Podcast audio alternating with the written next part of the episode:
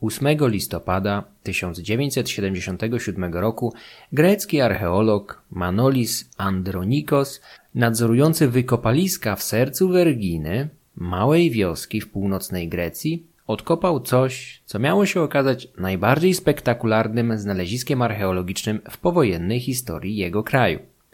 Prace prowadzone wewnątrz tzw. Tak wielkiego tumulusu, leżącego w centrum Werginy, odsłoniły na światło dzienne trzy grobowce zmarłych ponad 2000 lat wcześniej władców Macedonii.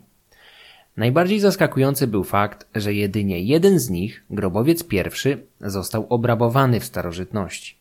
Pozostałe zaś, w tym szczególnie bogato wyposażony grobowiec drugi, były nienaruszone. Andronikos prędko przepisał pierwszy grób Amyntasowi III, kolejny jego synowi Filipowi II, zaś ostatni nastoletniemu Aleksandrowi IV, prawowitemu dziedzicowi imperium Aleksandra Wielkiego. Z biegiem lat i rozwojem technik dostępnych archeologom, niektóre z pierwotnych założeń Andronikosa zostały podważone lub wręcz obalone. Nikt nie podważa tożsamości nastolatka pochowanego w grobowcu trzecim, który zgodnie jest uznawany za syna Aleksandra Wielkiego i baktryjskiej księżniczki Roxany, zamordowanego razem z matką z rozkazu jednego z diadochów, Kassandra, w 309 przed naszą erą. Wraz z młodzieńczym Aleksandrem IV wygasła królewska dynastia Argeadów rządząca Macedończykami przez niemal pięć wieków.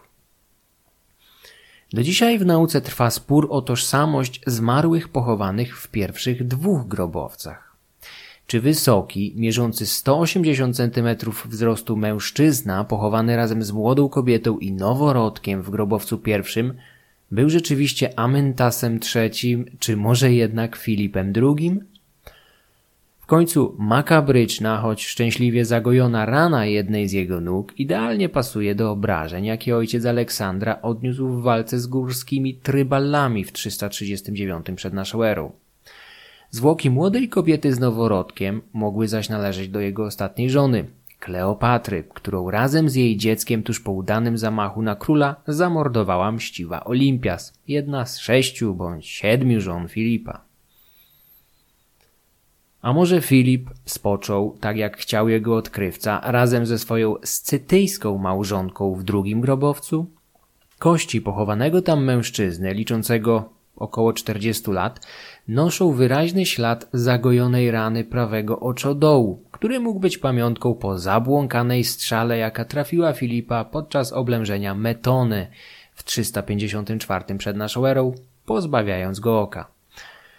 Problem w tym, że niewysoki mężczyzna z grobowca drugiego może być także upośledzonym Aridaiosem, synem Filipa i przyrodnim bratem Aleksandra Wielkiego, a przez krótki czas po zgonie słynniejszego brata również marionetkowym władcą Królestwa Macedonii. Kobietą pochowaną razem z nim mogła być jego żona, Eurydyka, zamordowana razem z mężem z rozkazu bezwzględnej Olimpias, tuż przed tym, gdy pożycie tej ostatniej upomniał się wreszcie Kasander. Tajemnice grobowców z Werginy, dawniej znanej jako Aigai, pierwsza stolica Królestwa Macedonii, są fascynującą opowieścią, która z pewnością wkrótce pojawi się na kanale, ponieważ zasługuje ona na szersze potraktowanie. Dzisiaj natomiast opowiem o najsłynniejszym lokatorze królewskich grobowców z Werginy, Filipie II, którego życie i dokonania, choć spektakularne, często bledną w porównaniu do tych osiągniętych przez jego syna. W efekcie największy z królów Europy, jak zwał Filipa po latach Diodor Sycylijski, jest kojarzony jedynie jako porywczy, kulejący kaleka przewracający się w drodze z jednego do drugiego łoża podczas pewnej uczty weselnej. Sęk w tym, że bez Filipa nie byłoby Aleksandra i nie chodzi mi tutaj jedynie o fakt poczęcia tego drugiego. Macedonia w pierwszej połowie IV wieku przed naszą erą znalazła się w stanie permanentnego chaosu, jaki zapoczątkowała śmierć Archelaosa I, zabitego podczas polowania w 399 przed naszą erą przez jednego z chłopców królewskich, prawdopodobnie z powodów osobistych. W kolejnych latach kraj pogrążył się w wewnętrznych walkach o władzę, z których zwycięsko wyszedł Amyntas, trzeci król tego imienia w Macedonii. Nawet on musiał jednak dwukrotnie uciekać z kraju ogarniętego inwazjami plemion iliryjskich z północnego zachodu oraz naciskiem greckich miast państw tworzących Związek Halkidycki. Amyntas poślubił Eurydykę, księżniczkę Linkesti z jednej z krain górnej Macedonii. Eurydyka jest na macedońskim dworze pierwszą kobiecą postacią z krwi i kości, jaką poznajemy ze źródeł pisanych. Wywodziła się z rodziny szczycącej się pochodzeniem od korynckiego rodu Bakhiadów, wygnanego z miasta na Istmie w 657 przed naszą erą. Mówiła po grecku, ale dopiero w późnej dorosłości na macedońskim dworze nauczyła się czytać i pisać w tym języku. Urodziła Amyntasowi trzech synów: Aleksandra, Perdikasa i Filipa. Amyntas miał jeszcze przynajmniej trzech innych synów z drugiego małżeństwa z Gygają.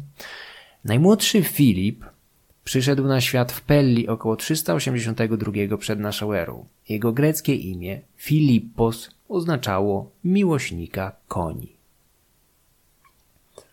Śmierć Amentasa w 370 przed naszą erą otworzyła sukcesję jego potomkom. Pierwszy władzę objął najstarszy syn, Aleksander, który widząc trudną sytuację państwa, zaczął wdrażać reformy mające na celu stworzenie poważniejszej siły militarnej, zdolnej obronić kraj przed sąsiadami. To Aleksander stworzył tzw. Tak pedzetajrów, pieszych towarzyszy, królewską gwardię złożoną z ciężkiej piechoty, zapewne wzorowaną na hoplitach znanych w greckich poleis. Niewiele wiemy o jego reformach, gdyż Aleksander poniósł gwałtowną śmierć podczas uroczystych obchodów jednego z macedońskich świąt zaledwie kilka lat po objęciu władzy.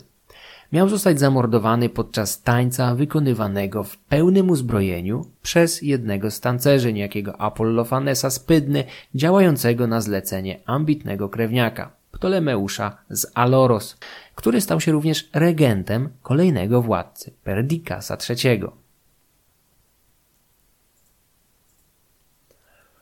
Macedończycy wierzyli w szczęśliwą gwiazdę rodu Argeadów i za nic w świecie nie chcieli oddać władzy w ręce inne dynastii.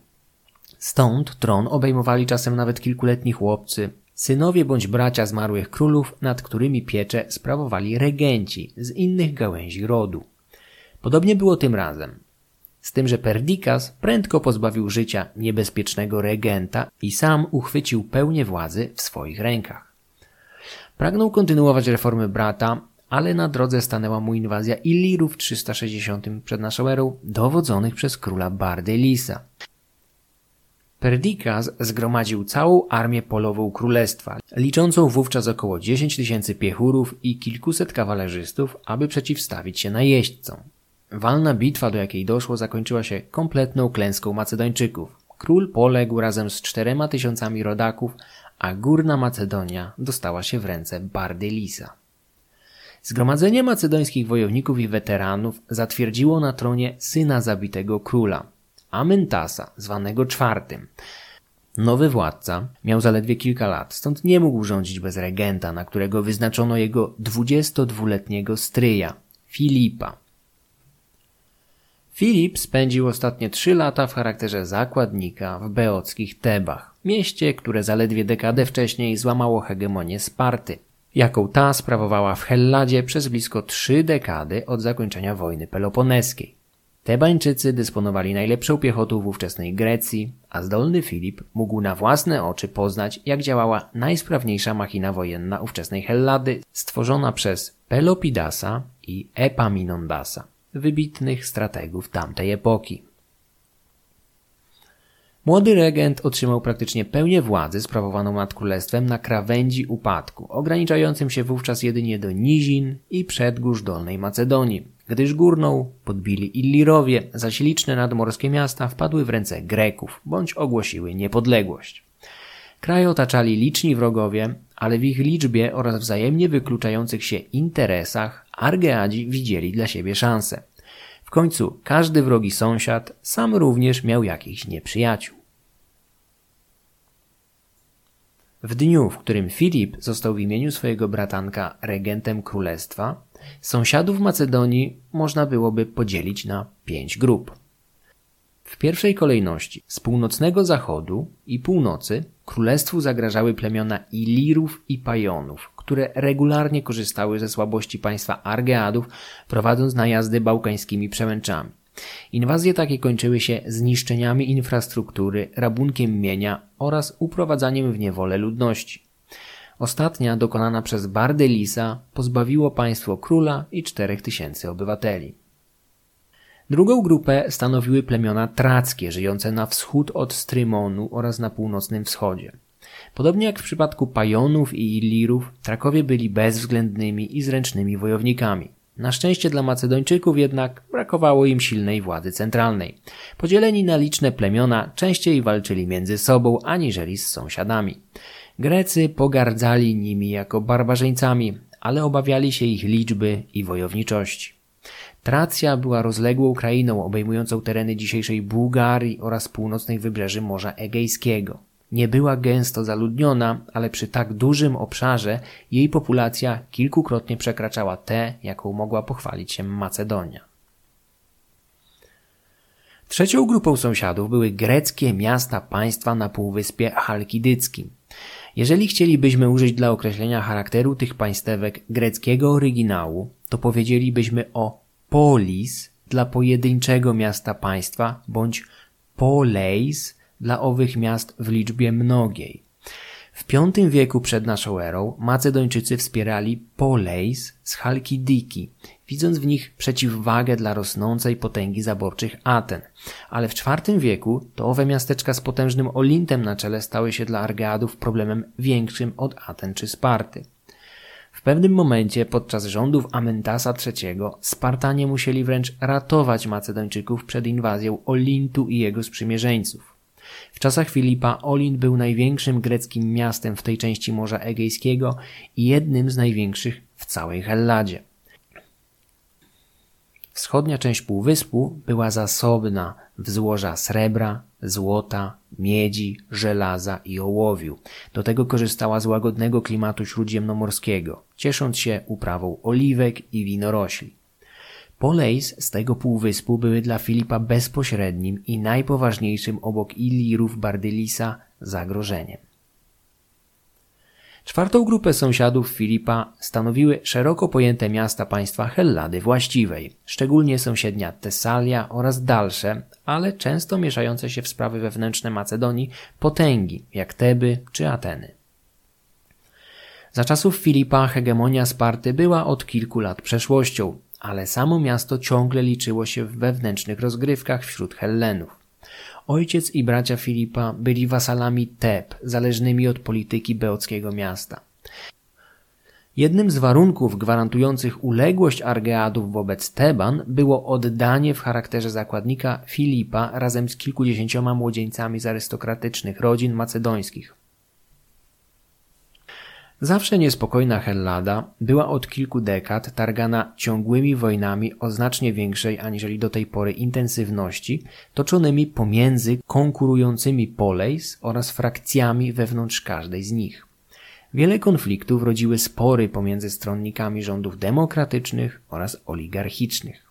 W połowie IV wieku przed naszą erą nieprzerwane wojny zrujnowały dużą część Hellady, a państwa zaplątały się w konfliktach do poziomu, z którego nie mogły już wyjść samodzielnie.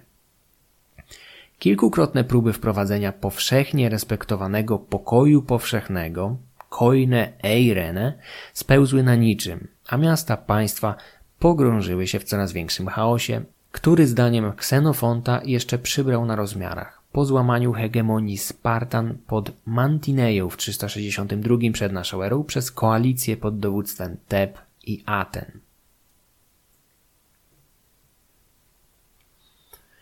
Jako piąty element geopolitycznej układanki należy wspomnieć Persję Achemenidów, która co prawda nie graniczyła z Macedonią i nie była dla niej bezpośrednim zagrożeniem, ale ciągle miała olbrzymi wpływ na wydarzenia w basenie Morza Egejskiego. Gdy Filip dochodził do władzy, monarchia Achemenidów przeżywała kryzys wewnętrzny, a liczne satrapie zachodnie, od Egiptu poprzez Fenicję, Cypr, aż po zachodnią i północną Azję Mniejszą zbuntowały się przeciwko Artaxerxesowi Ochosowi, pogrążając kraj w długiej i wyniszczającej wojnie domowej.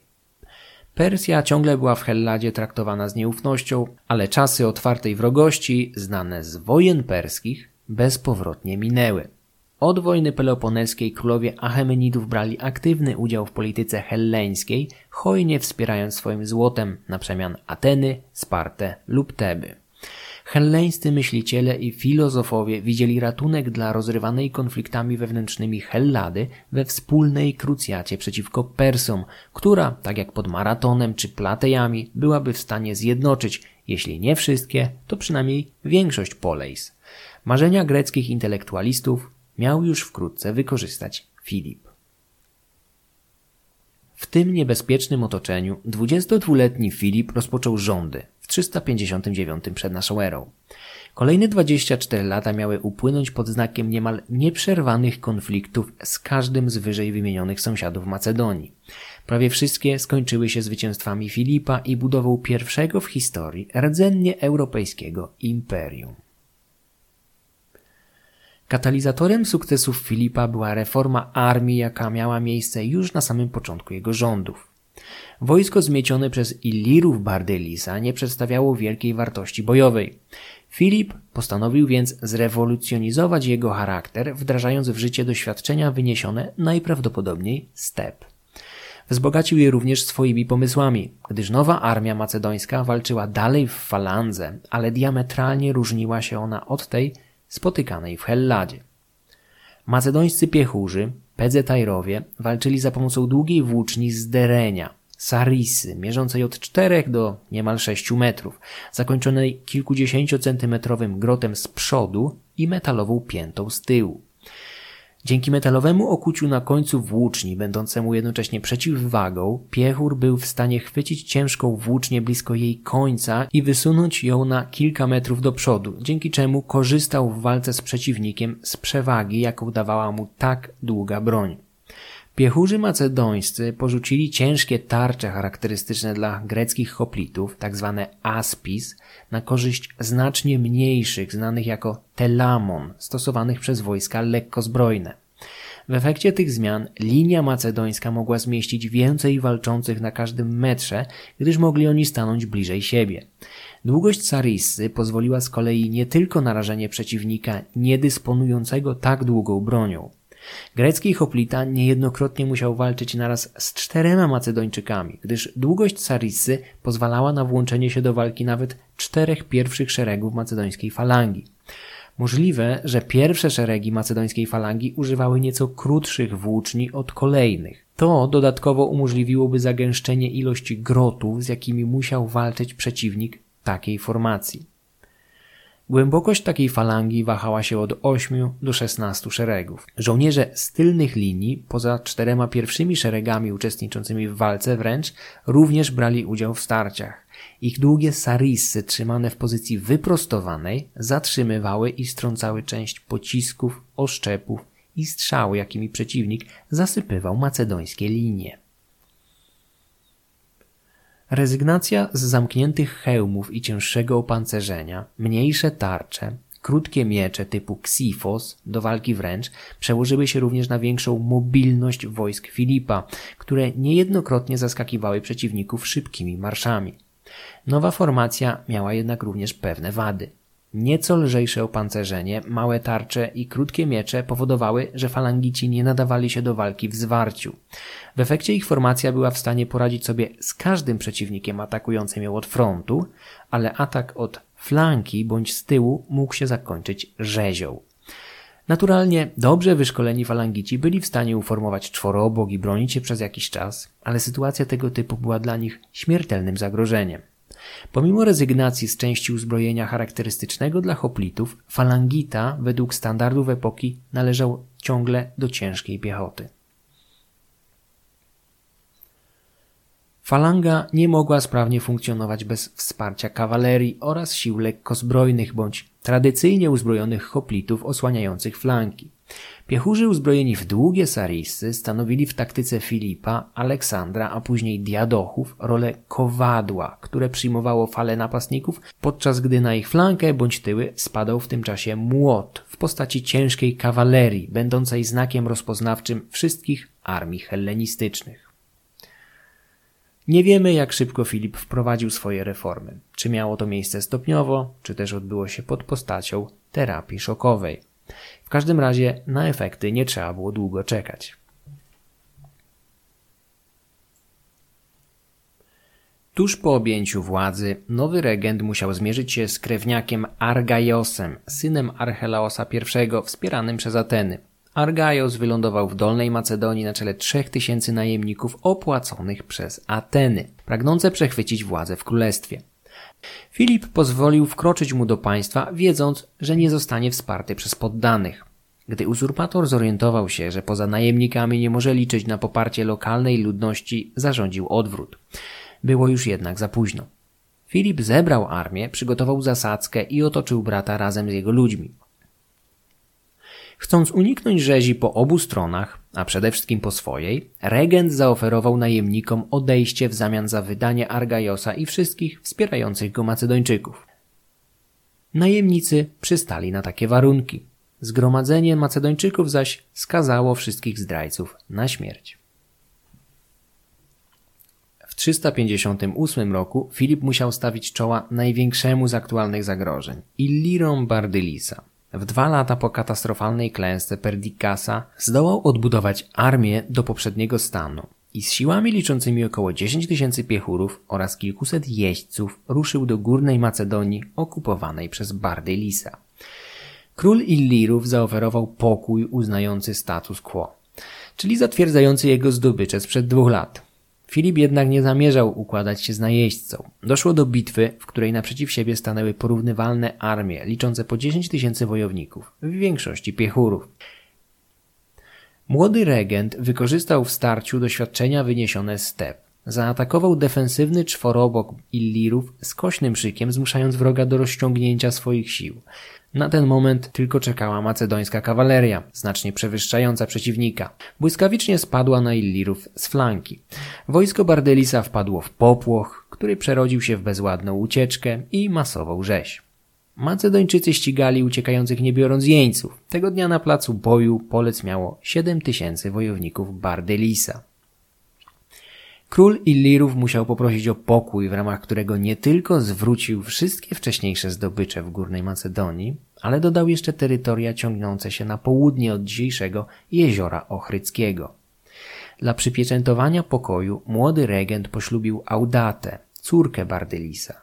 Było to pierwsze z przynajmniej sześciu małżeństw Filipa. Wszystkie, być może za wyjątkiem ostatniego, były podyktowane pragmatyzmem i polityczną kalkulacją. Chłodny rozsądek stał również za drugim małżeństwem, najbardziej znanym, zawartym z epirocką księżniczką Olimpias, córką króla Molosów. Epiroci, podobnie jak Macedończycy, byli ludem zamieszkującym obrzeża Hellady i tak jak oni posługiwali się jednym z dialektów języka greckiego. Nie przeszkadzało to oczywiście wielu Hellenom z południa uważać ich za barbarzyńców. W 357 przed naszą erą, po zabezpieczeniu granicy z Illirami i Epirem, Filip skierował swój wzrok na południe.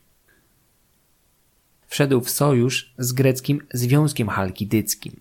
Układ ten miał na celu stworzenie przeciwwagi dla coraz silniejszych wpływów Aten, które pragnęły zdobyć przyczółki na północnych wybrzeżach Morza Egejskiego i tym samym uzyskać dostęp do drogocennych zasobów drewna, złota i srebra. Pierwszym celem Filipa był podbój Amfipolis, ważnego miasta strzegącego przeprawy na Strymonie. Dawna ateńska kolonia była od wielu lat kością niezgody między Macedonią oraz Atenami. Uchodziła również za bardzo trudną do zdobycia. Ateńczycy, wiedząc o macedońskim oblężeniu Amfipolis, niespecjalnie spieszyli się z wysłaniem odsieczy, licząc, że oblężenie potrwa przynajmniej kilka miesięcy. Mylili się. Filip zdobył Amfipolis szturmem, czyli metodą dość nieszablonową jak na tamte czasy. Sztuka oblężnicza w okresie klasycznym stała na bardzo niskim poziomie, więc miasta zdobywano zazwyczaj na skutek zdrady bądź długotrwałego oblężenia. Zdaniem Diodora Sycylijskiego rewolucja w sztuce oblężniczej nastąpiła pod rządami dwóch władców. Tyrana Syrakus, Dionizjusza Starego oraz Filipa, króla Macedonii. To właśnie na dworze Filipa zatrudniony był słynny tesalski inżynier Poleidos, którego wynalazki zrewolucjonizowały sztukę oblężniczą w świecie helleńskim. Poleidus udoskonalił tarany oblężnicze, konstruował pierwsze katapulty, słynne katapeltoi makedonikoi, ale prawdopodobnie największym z jego wynalazków był słynny Helepolis, zdobywacz miast. Ruchoma wieża oblężnicza, mierząca nawet 40 metrów wysokości, doprowadzana pod mury miasta przeciwnika siłą mięśni żołnierzy. Helepolis miał kilka pięter, a na każdym z nich znajdowali się żołnierze ostrzeliwujący przeciwników na murach miejskich pociskami z katapult, łuków czy balist. 40-metrowa konstrukcja przewyższała mury i wieże większości ówczesnych miast. Upadek Amfipolis zaskoczył Ateńczyków, ale Filip nie chciał jeszcze wkraczać do bezpośredniej wojny z ciągle silnym Polis. Zaproponował Ateńczykom oddanie Amfipolis w zamian za Pydnę, Greckie miasto nad Zatoką Termajską, będące wówczas w sojuszu z Atenami. Naturalnie nikt nie pytał mieszkańców Pydny o zdanie w tej sprawie, ale Ateńczycy szybko przekalkulowali, że transakcja wyjdzie im na dobre i wstępnie zgodzili się przehandlować Filipowi swojego sojusznika w zamian za Amfipolis. Układ ostatecznie nie został jednak zmaterializowany, gdyż Filip Samodzielnie zdobył Pydnę, wykorzystując zdradę mieszkańców miasta, którzy otworzyli bramy polis Macedończykom, zapewne za opłatą. Posługiwanie się przekupstwem w drodze do osiągnięcia celów było jednym ze znaków rozpoznawczych Filipa. Podczas późniejszego o kilka lat oblężenia Olintu, jeden z jego towarzyszy, z którym dokonywał oględzin murów miasta, miał stwierdzić, że są bardzo potężne i trudno będzie je zdobyć szturmem. Filip zaśmiał się jedynie i zapytał ironicznie: Czyż złoto nie przechodzi murów? Olint upadnie tak samo jak Pydna, na skutek przekupstwa. W zdobytych miastach Filip wykazywał się dość umiarkowaną wspaniałomyślnością. W Amfipolis oszczędził mieszkańców oraz ateńskich najemników. Nie miał jednak nic przeciwko wymordowaniu lokalnych stronników Aten. Pydnę złupił, a ludność miasta wygnał, pozwalając każdemu mieszkańcowi na opuszczenie murów w jednym płaszczu na grzbiecie. Według standardów epoki było to stosunkowo łagodne podejście do pokonanych. Gdy w 365 przed naszą erą Ateńczycy pod wodzą Haresa zdobyli greckie miasto Sestos nad Hellespontem, bez zastanowienia wymordowali wszystkich mężczyzn. Kobiety i dzieci zaś sprzedali w niewolę, a samo miasto zasiedlili swoimi osadnikami, tak zwanymi kleruchami. Równie okrutnie postąpili z mieszkańcami Melos w 416 przed naszą erą podczas wojny peloponeskiej, o czym dowiadujemy się od Tukidydesa. Tebańczycy równie okrutnie postąpili z trzema beockimi miastami pokonanymi podczas wojny świętej w 346 przed naszą erą, a Spartanie nie odbiegali od jednych ani drugich. Sam Filip zburzy w przyszłości co najmniej kilka miast, postępując równie okrutnie z ich ludnością. Będą to jednak pojedyncze przypadki. Skłonności do przekupywania potencjalnych zdrajców i szturmowania obleganych miast wiązały się z niechęcią do długotrwałych oblężeń które paradoksalnie mogły kończyć się także większymi stratami w ludziach, aniżeli te ponoszone podczas szturmów. Logistyka i medycyna w starożytności stały na tak niskim w porównaniu do naszych czasów poziomie, że każde dłuższe oblężenie prędzej czy później kończyło się głodem, epidemią bądź jednym i drugim, zarówno wśród obleganych jak oblegających. Do tego dochodziły dezercje. Filip starał się rozgrywać kampanię najszybciej jak było to możliwe, jednocześnie nie marnując zasobów ludzkich czyli życia żołnierzy. W jego postępowaniu zawsze można było dostrzec chłodny pragmatyzm. Trudno wyobrazić sobie, aby ciągnął wielotysięczną armię przez pustynną Gedrozję, będąc na miejscu Aleksandra. Jeszcze w 357 przed naszą erą Filip zdobył kolejne, trzecie już miasto w ciągu zaledwie roku. Tym razem jego ofiarą była Potidaja, którą od razu oddał sojusznikom ze Związku Chalkidyckiego. Był to uzgodniony wcześniej warunek zawarcia przez Macedonię sojuszu ze związkiem. Oddanie cennej i strategicznie istotnej Potidai świadczyło o rozsądku politycznym Filipa, który bardziej od tego miasta potrzebował wsparcia Olintu w zwalczaniu wpływów Aten w regionie. Sam Filip był cierpliwy i wiedział, że konflikt z Olintem jest nieunikniony, ale nie był jeszcze do niego przygotowany. Skłonność do dyplomacji oraz rozwiązywania problemów za pomocą układów były kolejnymi znakami charakterystycznymi młodego regenta. Sam miał otwarcie mawiać, że zawsze bardziej cenił sukcesy swojej dyplomacji aniżeli oręża.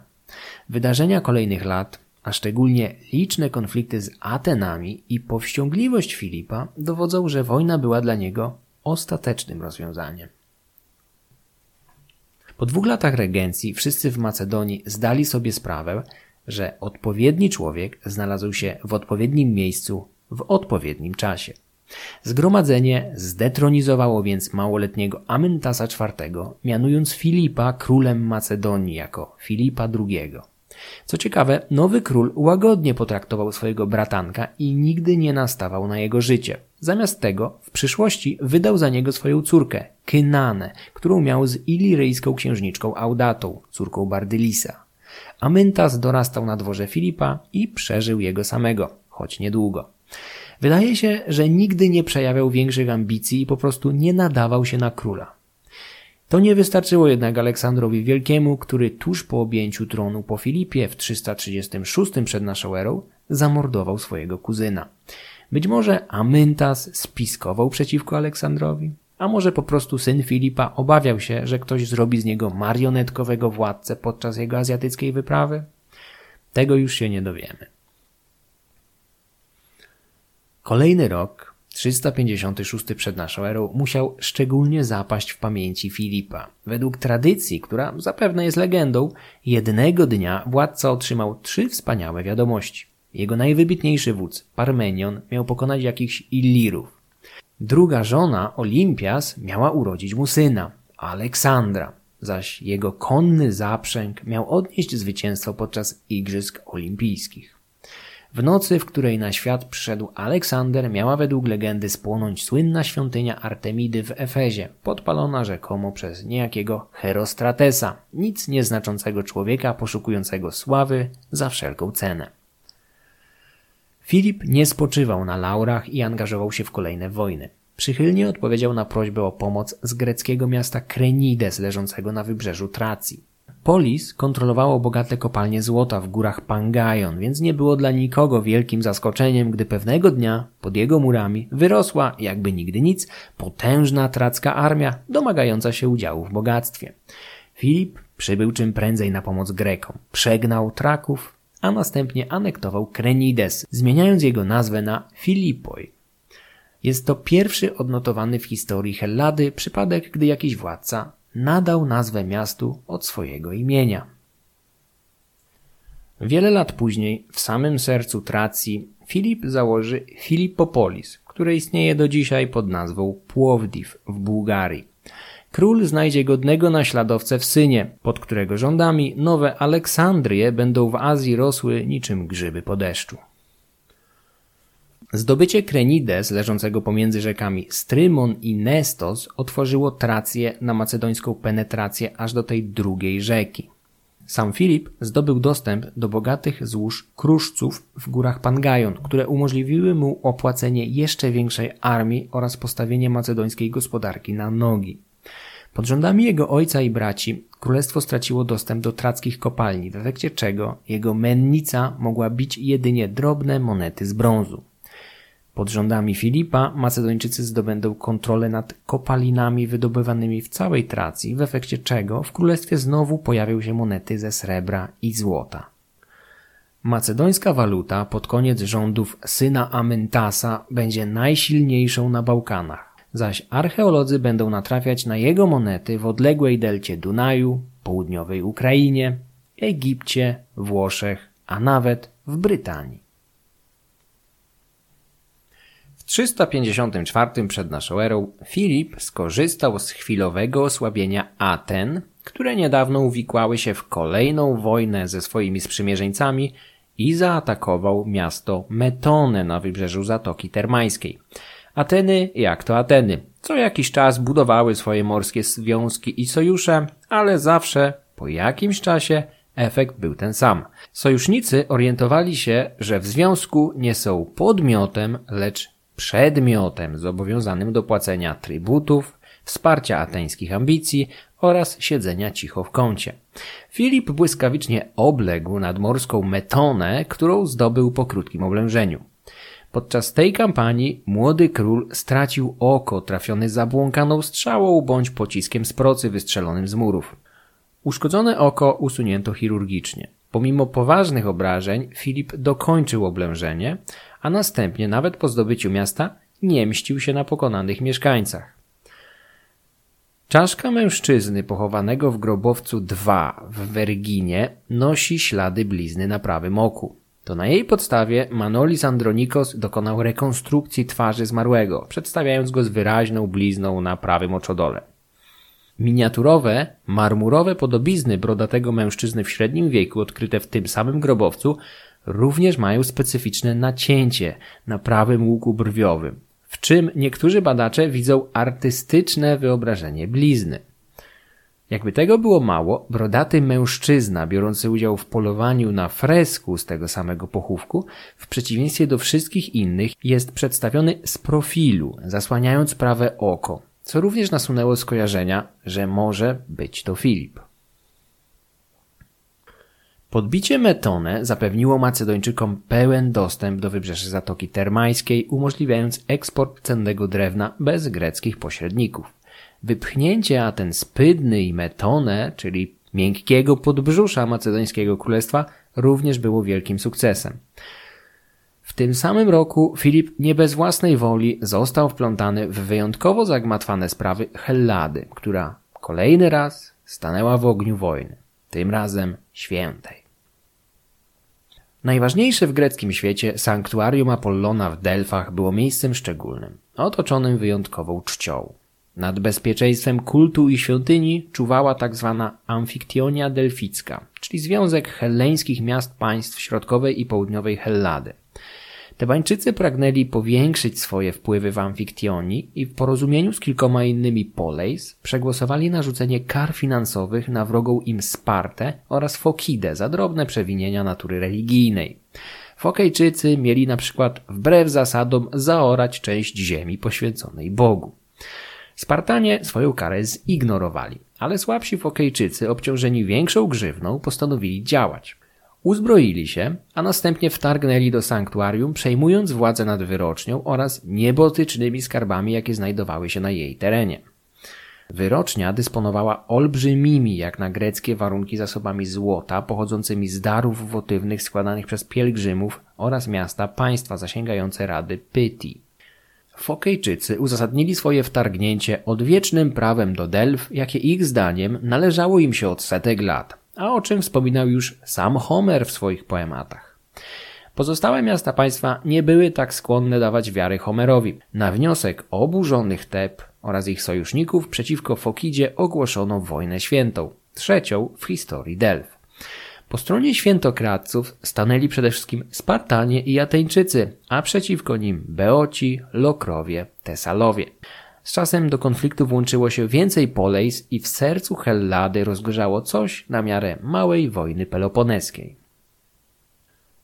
Na przekór wszystkim oczekiwaniom, to Fokejczycy osiągnęli przewagę w wojnie. O ile z początku walczyli jedynie własnymi siłami, z czasem zrozumieli, że muszą zaciągnąć więcej oddziałów, aby sprostać silnej armii tebańskiej. Zaczęli więc rabować skarby świątyni, masowo zaciągając za nie najemników. Aby przełamać opory etyczne potencjalnych najemników, oferowali stawki wyższe od rynkowych, nawet dwukrotnie. W krótkim czasie potężna armia Fokidy i jej sprzymierzeńców zaczęła pustoszyć Beocję, Lokrydę, a z czasem i odległą Tesalię. Pod dowództwem jednego z generałów, słynnego Onomarchosa, niewielka Fokida zdołała wystawić liczącą ponad 20 tysięcy wojowników armię, która trzęsła Helladą od Istmu Korynckiego aż do Zatoki Pagazyjskiej w Tesalii. W tym momencie zarówno Tebańczycy, jak i Tesalowie zorientowali się, że nie dadzą rady samodzielnie pokonać Onomarchosa i Fokejczyków. Wezwali więc na pomoc Filipa.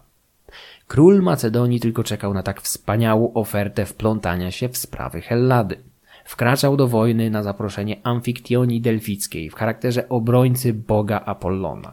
Jego wojska szły do walki przystrojone wieńcami laurowymi na znak uczestnictwa w świętej misji wyzwolenia przybytku boga z rąk świętokradców.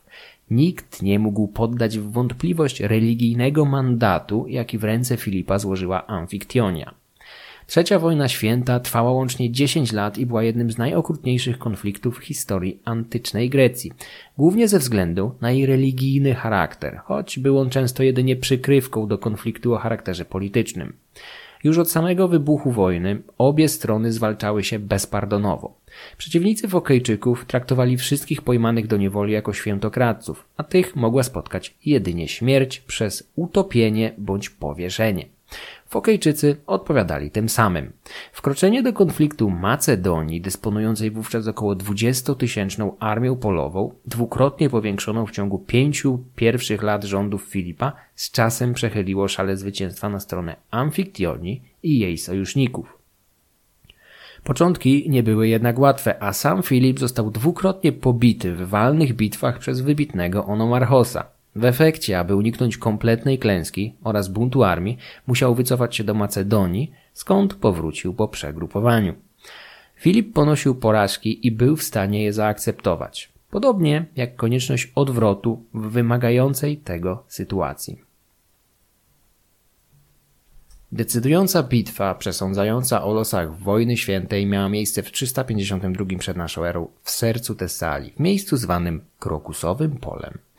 Jedna z największych batalii w dotychczasowej historii Hellady zgromadziła ponad 40 tysięcy walczących po obu stronach, dowodzonych przez najzdolniejszych generałów swojego pokolenia Filipa i Onomarchosa.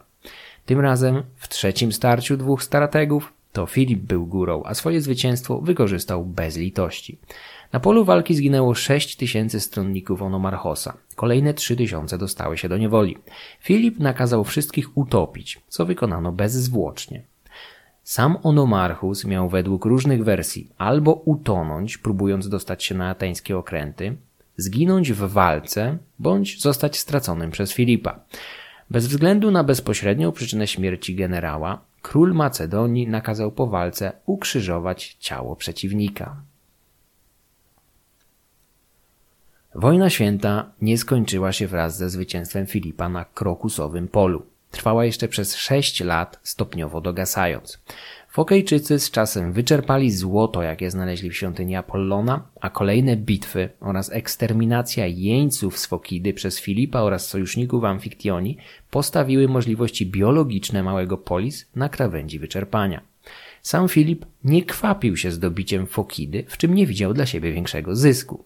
Wojna przeszła w fazę partyzancką, stopniowo wyniszczając także Teby, na których osłabieniu zależało królowi Macedonii. On sam tymczasem skupił się na wewnętrznych sprawach Tesalii. Skoro został już przez Tesalczyków zaproszony do rozwiązania jednego problemu, nie omieszkał wspaniałomyślnie zająć się pozostałymi. W toku długich walk zdołał obalić tyranów z miasta Feraj leżącego nad Zatoką Pagazyjską. Władcy ci, sprzymierzeni z Atenami i Fokidą, od lat zagrażali innym miastom państwom Tesalii. Związek Tesalski przekazał Filipowi w toku wojny dowództwo nad swoimi siłami zbrojnymi, a z czasem zgodził się ogłosić króla Macedonii dożywotnim archontem, czyli przewodniczącym całego związku. Filip faktycznie przejął kontrolę nad jedną z największych krain Hellady, znaną z rozległych pastwisk i świetnej kawalerii. Armia polowa Filipa po uzależnieniu Tesalii urosła do stanu liczącego około 30 tysięcy piechurów oraz kilka tysięcy kawalerzystów. Tesalczycy będą od teraz ramię w ramię maszerować z Filipem, a później także z jego synem. Ich kawaleria będzie towarzyszyła Aleksandrowi w Azji aż do ostatecznego podboju Persji, najdłużej ze wszystkich wojsk helleńskich. W 352 przed naszą erą Filip był najpotężniejszym władcą w Helladzie, z którego zdaniem musiał liczyć się każdy. Miał wówczas zaledwie 30 lat. Wszystkie dotychczasowe sukcesy odniósł na przestrzeni zaledwie siedmiu lat, jako ciągle dość młody człowiek. W 351 przed naszą erą Macedonia stała się zdecydowanie silniejsza od Aten, więc relacje między Związkiem Halkidyckim a Filipem stały się wyjątkowo napięte. Olind przyjął w swoje mury dwóch przyrodnich braci króla, Menelaosa i Aridaiosa, którzy zaczęli lękać się o swoje życie w Macedonii. Filip potraktował ten ruch Olintu jako oburzające zerwanie sojuszu. Miał ostrzec olintyjskich dyplomatów, że za panią bezczelnością podąża pan wojna, co było pozbawionym ogródek ostrzeżeniem. Król żądał wydania przyrodnich braci. Olintyjczycy odmówili, a Związek Chalkidycki znalazł się w stanie wojny z Macedonią. W charakterze sojusznika Olintu do walki włączyły się Ateny, w których wzrastała gwiazda wybitnego mówcy i demagoga, Demostenesa, który stanie się najzacieklejszym wrogiem Filipa, gotowym walczyć z macedońskim królem po trupach sojuszników, a w końcu i rodaków. Starcie Aten i Macedonii było nieuniknione. Miasto Demostenesa jakoś przebolało utratę Amfipolis, Pydny i Metone, ale drżało za każdym razem, gdy Filip zbliżał się do jednego z dwóch strategicznie ważnych dla Ateńczyków punktów na mapie Termopil i Hellespontu. Kontrola nad Termopilami znacznie utrudniała wtargnięcie Filipa do centralnej Grecji, a co za tym idzie zagrożenie Atenom od strony lądu. Hellespont zaś był arterią podtrzymującą miasto przy życiu dzięki transportowi zboża z Morza Czarnego. Opanowanie Hellespontu przez Macedończyków bądź Persów oznaczałoby głód w Atenach, nie będących w stanie wyżywić licznej populacji miasta tylko z pól Attyki. Ateńczycy wysłali pomoc militarną do Olintu, ale robili to tak opieszale, że nie zdążyli uratować miasta zdobytego na skutek przekupstwa. Dodatkowo zręczny król Macedonii zdołał za pomocą pieniędzy i machinacji wywołać powstanie na kontrolowanej przez Ateńczyków Eubei, w efekcie którego utracili oni tę wyspę. Po zdobyciu Olintu Filip był bezwzględny. Mężczyzn kazał wymordować, kobiety i dzieci sprzedać w niewolę, a samo miasto zburzyć. Nigdy nie powstało już z ruin. Pod miecz poszli również przyrodni bracia króla. W błyskawicznej kampanii podporządkował sobie cały półwysep Halkidycki. W trakcie walk zburzył kilka miast. Demostenes oskarżał go o zrównanie z ziemią 32 polejs, ale prace archeologiczne potwierdziły najwyżej trzy zniszczone w tamtym czasie miasta. Zagładzie obok Olintu uległa także Stageira, rodzinne miasto Arystotelesa, które jakiś czas potem Filip pozwoli mu odbudować za macedońskie pieniądze. Półwysep Halkidycki razem z wszystkimi bogactwami i szczególnie cennymi kopalinami został anektowany przez Macedonię. Być może już wtedy młody władca zaczął marzyć o wielkiej wyprawie przeciwko Persji Achemenidów. Monarchia perska ciągle była uwikłana w ciężkie wojny domowe na swoich zachodnich rubieżach, ale we wspólnych relacjach obie strony zachowywały coś na kształt przyjaznej neutralności. Filip wiedział jednak, że pauza geopolityczna spowodowana przejściową słabością Persji kiedyś się skończy. Postanowił więc wykorzystać odpowiednią chwilę i dokonać podboju Tracji.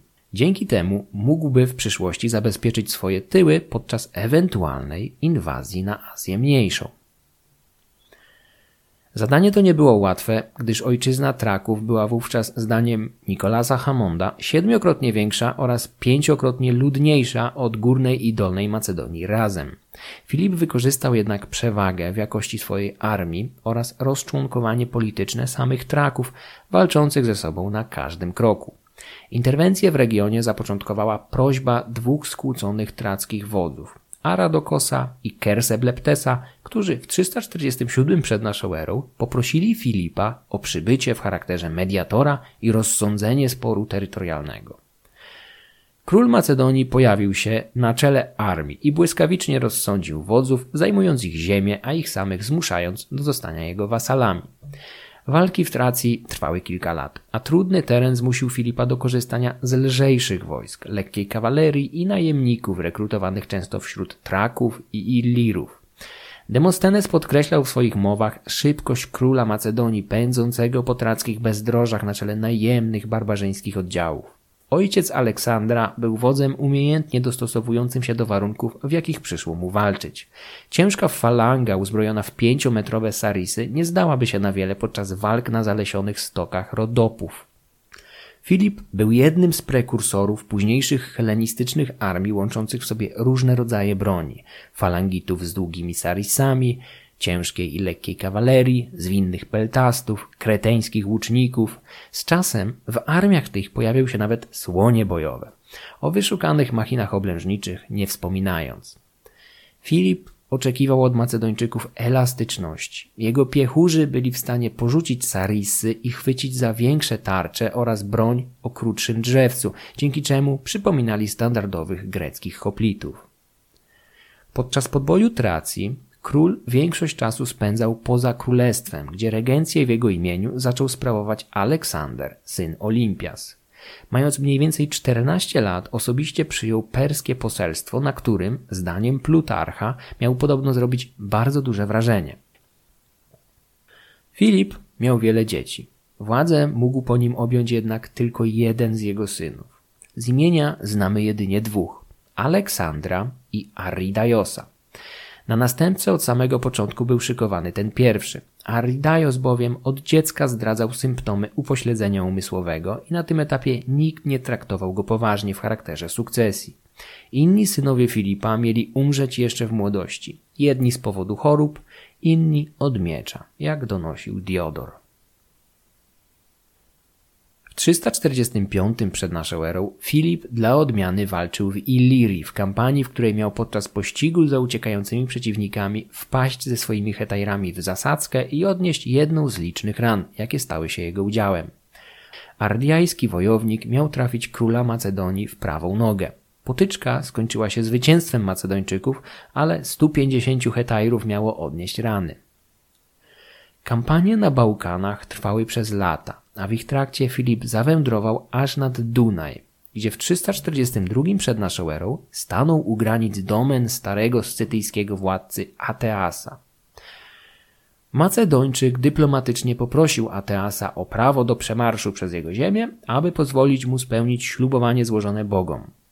Król Macedonii miał podczas wcześniejszych walk obiecać Heraklesowi, że jeśli Bóg pomoże mu w nadchodzącej bitwie, to Filip wystawi mu pomnik u ujścia Dunaju.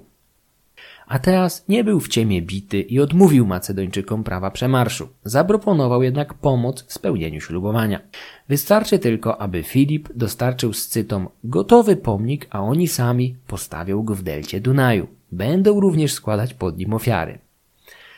W tym momencie syn Amentasa zrzucił maskę i wtargnął na ziemię Scytów, pokonując ich w kilku starciach. Ateas musiał ustąpić, uznać wyższość Filipa, za którego wydał jedną ze swoich córek. W grobowcu drugim, w Werginie, znaleziono scytyjskie ozdoby, złoty kołczan i pektorał. Obok nich leżało ciało kobiety mającej około 25 lat. Niektórzy łączą ją z nieznaną z imienia scytyjską księżniczką, córką Ateasa, która zgodnie ze zwyczajem swojego ludu mogła towarzyszyć zmarłemu małżonkowi w jego ostatniej drodze. Podczas kampanii w Scytii ojcu miał towarzyszyć młody Aleksander, uczący się wojennego rzemiosła na żywym materiale. Wiedzę zdobytą podczas kampanii nad Dunajem wykorzysta z pożytkiem dla siebie, walcząc z nieuchwytnym przeciwnikiem w Azji Centralnej. Naddunajska kampania była dowodem na wszechstronność macedońskiej machiny wojennej, która potrafiła pokonać nie tylko ciężkozbrojną grecką falangę czy lekkozbrojnych traków bądź ilirów. Świetnie radziła sobie również ze zdobywaniem potężnych fortec oraz gromieniem urodzonych w siodle scytów. W 342 przed naszą erą Filip kompletnie zmienił front i wkroczył do królestwa Molossów w Epirze tego samego, z którego pochodziła Olimpias. Powodem były spory z aktualnym królem Molosów, Arybasem, który najwyraźniej zbytnio silił się na niezależność wobec Macedonii. Filip dokonał w Epirze przewrotu, osadzając na jego tronie brata Olimpias, Aleksandra, znanego później jako Aleksander I. Wuj Aleksandra Wielkiego będzie prowadził w przyszłości wojny w południowej Italii, przecierając szlak dla słynnego Pyrusa. Podczas tych walk Aleksander z Epiru stoczy liczne wojny z plemionami Italików, zawrze również układy z młodą Republiką Rzymską. W 331 przed naszą erą Aleksander, wuj tego Aleksandra, polegnie w bitwie pod Pandozją w południowej Italii. Rzymski dziejopis Liviusz napisze trzy wieki później, że Aleksander z Epiru poległ w walce z mężczyznami, podczas gdy jego słynny siostrzeniec pokonywał w Azji perskie kobiety. Rzymianie nigdy nie wyzbyli się pewnego kompleksu wobec Aleksandra Wielkiego i często fantazjowali, tak jak Liviusz, nad potencjalnym wynikiem starcia ich młodej republiki z wojskiem genialnego Macedończyka.